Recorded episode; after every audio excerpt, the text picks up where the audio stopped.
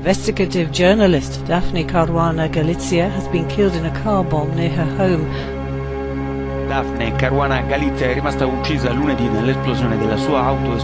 Tas bija 2017. gada 16. oktobris, kad Malta un drīz pēc tam arī pārējo Eiropu pāršāca ziņa, ka automašīnā ievietotas bumbas sprādzienā gājusi bojā Maltas pazīstamākā pētnieciskā žurnāliste Dafne Caruana Galīsija. Savā darbā viņa regulāri izgaismoja Maltas politiķu un biznesmeņu koruptīvās saites. Mazajā Maltā ar pusmiljonu cilvēku Dafni pazina daudzi, arī žurnālists Hermans Grehs. Zināju, ka Dafne varētu iekulties nepatikšanās. Viņa pastāvīgi provocēja varas iestādes, valdošās partijas politiķus, bet man nenāca neprātā, ka viņi ies tik tālu, ka viņi ne tikai nodarīs Dafnei pāri, bet nogalinās viņu tik šaušalīgā un publiskā veidā. Cilvēki, kuri to izplānoja, vēlējās nosūtīt skaidru signālu: nemēģiniet mūs aiztikt. Šis notikums šokēja ne tikai mazo Maltu, bet visu Eiropu.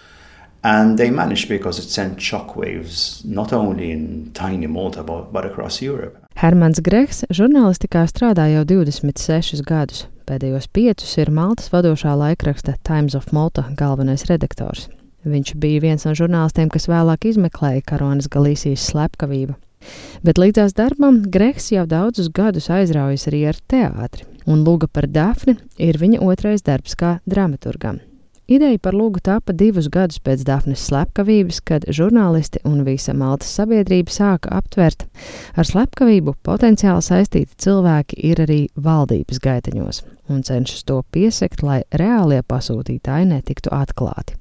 It happened literally in the newsroom. I decided to write a play when. Uh, Bija apmēram divi naktī. Mēs gaidījām svarīgas valdības sēdes beigas. Cilvēki ielās protestēja. Tikko bija aizturēts premjera biroja vadītājs, viens no ministriem bija nopratināts. Atceros, ka sēdēju pie datora un domāju, te taču top lūga pati no sevis. Es šobrīd to rakstu. Te ir politika, drāma, slepkavība, sabiedrības sašutums. Un tā nav fikcija, bet realitāte. Vēlāk pēc izrādēm pie manis ir nākuši skatītāji un prasījuši, vai es esmu te kaut ko izfantazējis. Nē, es neko neesmu izfantazējis, tas viss tiešām notika.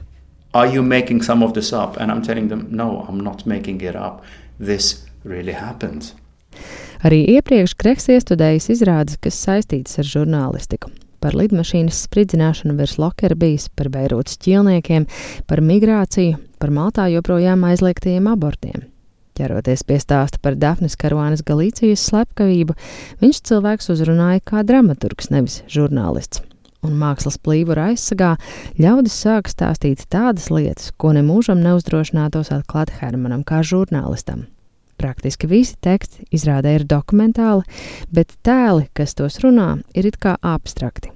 Žurnāliste, trauksmes cēlājs, likumsargs, ļaunais. I've always felt that theatre has is art in reality is such a strong medium. Teātris ir ļoti spēcīgs medijs, kur tu vari pateikt lietas, ko citādi neatļautos. Atceros 2015. gadā iestudēju izrādi par Lampedūzas salu un ar to saistīto migrantu krīzi.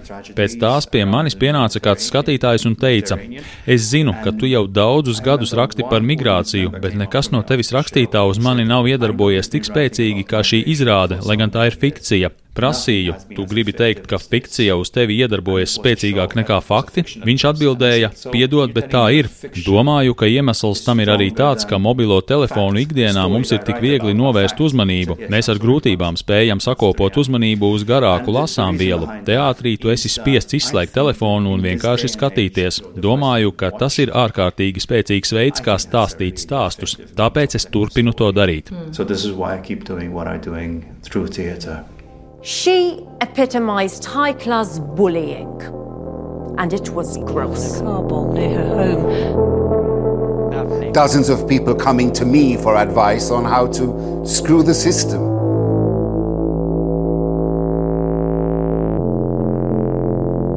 And therefore, by proxy, everything they do is Malta.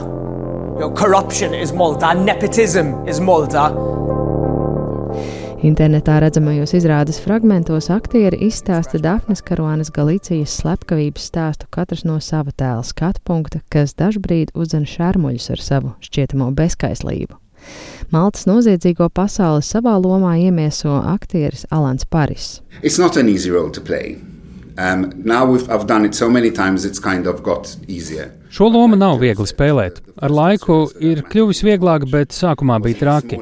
Pirmais ģenerāla mēģinājums eh, notika nelielās telpās. Paldies Dievam, Dāfnis dēls sēdēja balkonā, un es nevarēju viņu redzēt. Jo man būtībā bija jāapraksta, ko es nodarīju viņa mātei. Joprojām kļūst emocionāls, kad to atceros. Un šis man ir arī personisks stāsts. Pāzinu Dāfni, mēs savulaik kopā strādājām. Esmu saticis arī cilvēku, kurš bija iesaistīts Dāfnes slepkavībā. Maltas sabiedrība ir ārkārtīgi maza. Jokojot, sakām, ka Maltā visi ir brālēni, tāpēc šis notikums mūs visus ir aizskāris arī ļoti personiski. Runāt par to, ko viņi izdarīja, kā viņi to paveica, kā lepojas ar izdarīto, Ir ieraksts, kurā viens no slepkavības izdarītājiem saka, ja būtu zinājis, kas viņa tāda ir, būtu paprasījis vairāk naudas, un pēc tam pasmējis. Šis ieraksts būs dzirdams arī mūsu izrādē. I would have gone for 10 million, not, not, not, not 150,000. 150,000. But it was just for you, it was just, it was just business, was it? For me, it just was business, yeah. Business as usual. yeah. Yeah. Aktrise Kima Dalī Dafnes slepkavību uzskata par būtisku pagrieziena punktu Maltas sabiedrībā. Viņa izrādē spēlē žurnālisti, kur kādā brīdī saka, parasti mēs protestējam burkšķot Facebookā, bet šoreiz ielās izgāja tūkstošiem cilvēku protestējot pret korupciju un nesodāmību. To viņa uzskata par labo ziņu šajā kopumā ļoti drūmajā stāstā. I am a former journalist, so for me, when Herman approached me and it was Es pat esmu bijusi žurnāliste, tāpēc, kad Hermans man piedāvāja šo lomu, Tas bija gluži kā sapņu piepildījums, jo es to uzskatu par ārkārtīgi svarīgu lugu. Tā nav fikcija, šis notikums ir robežšķirtne Maltas vēsturē. Savulaikā žurnāliste esmu rakstījusi daudz stāstu, bet man šķiet, ka teātris reizēm spēja aizkustināt vairāk nekā žurnālistika. Tas ļauj izjust lielāku empātiju un cilvēcību. Arī Dafni mēs šajā izrādē varam parādīt nevien kā žurnālisti, bet arī kā cilvēku, kā māti, kuras bērni viņu pazaudēja bet vienlaikus mēs parādām arī plašāku kontekstu par Maltas sabiedrību, par nesodāmības izjūtu. Ir 2023. gads, un galvenie aizdomās turētie par Dafnes slepkavības plānošanu vēl nav pat sēdušies uz apsūdzēto sola. Taisnība vēl nav uzvarējusi, tāpēc mums ir jāturpina stāstīt šo stāstu. I feel it's very important that we keep telling this story. Like Kim said, Piekrītu Kimai, ka Dafnes slepkavība bija izšķirošs brīdis Maltas vēsturē. Tie bija mūsu dviņu torņi, mūsu Kenedijas slepkavība. Katrs no mums atceras, kur tobrīd atradās un ko darīja, kad tika uzspridzināta Dafnes Karuānas Galicijas mašīna. Tāpēc man ir gods stāstīt šo stāstu, un es turpināšu to darīt, kamēr taisnība uzvarēs. Izrādes veidotāji gan ir visai skeptiski, vai taisnība jebkad uzvarēs pilnībā, un nopūšas, ka cilvēku atmiņa ir īsa. Arī pēc iepriekš neredzētajiem protestiem Maltā ir turpinājušies korupcijas skandāli. Tomēr izrāde ir izraisījusi plašu rezonanci. Maltas valdošie politiķi to centušies ignorēt, tomēr teātra profesionāļu vidū tā saņēmusi balvu kā gada labākā izrāde Maltā. Izrādīta arī Beļģijā, Itālijā, Austrijā un Kiprā. Publikas atsaucība citās valstīs pārsteigusi režisoru Hermanu Grehu.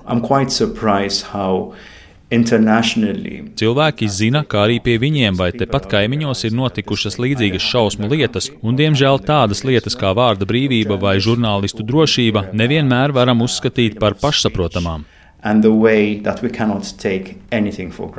Viņa lugām ir raksturīgs tas, ka šīs lugas nav plakanas, tur nav skaidru gaišo tēlu, tumšo tēlu.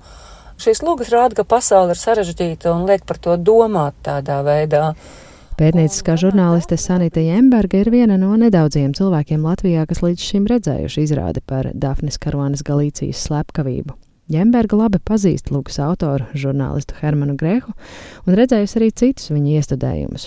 Un viņa izceļ Hermanas spēju parādīt Dafnes pretrunīgo personību, ko daudzi mīlēja un tikpat daudzi nicināja. Viņa tiek rādīta no visām šīm dažādajām personības šķautnēm, un uh, liekot saprast, ka labs žurnālists nekad nav vienkāršs žurnālists, viņa darbs nav vienkāršs, un Malta nav paskartījuša valsts aiz šīs skaistās uh, jūru un visu pārējo baznīcu un kultūras slāņa slēpjas ārkārtīgi melna politika, netīra politika, kā rezultātā Eiropas valstī tiek nogalināts žurnālists.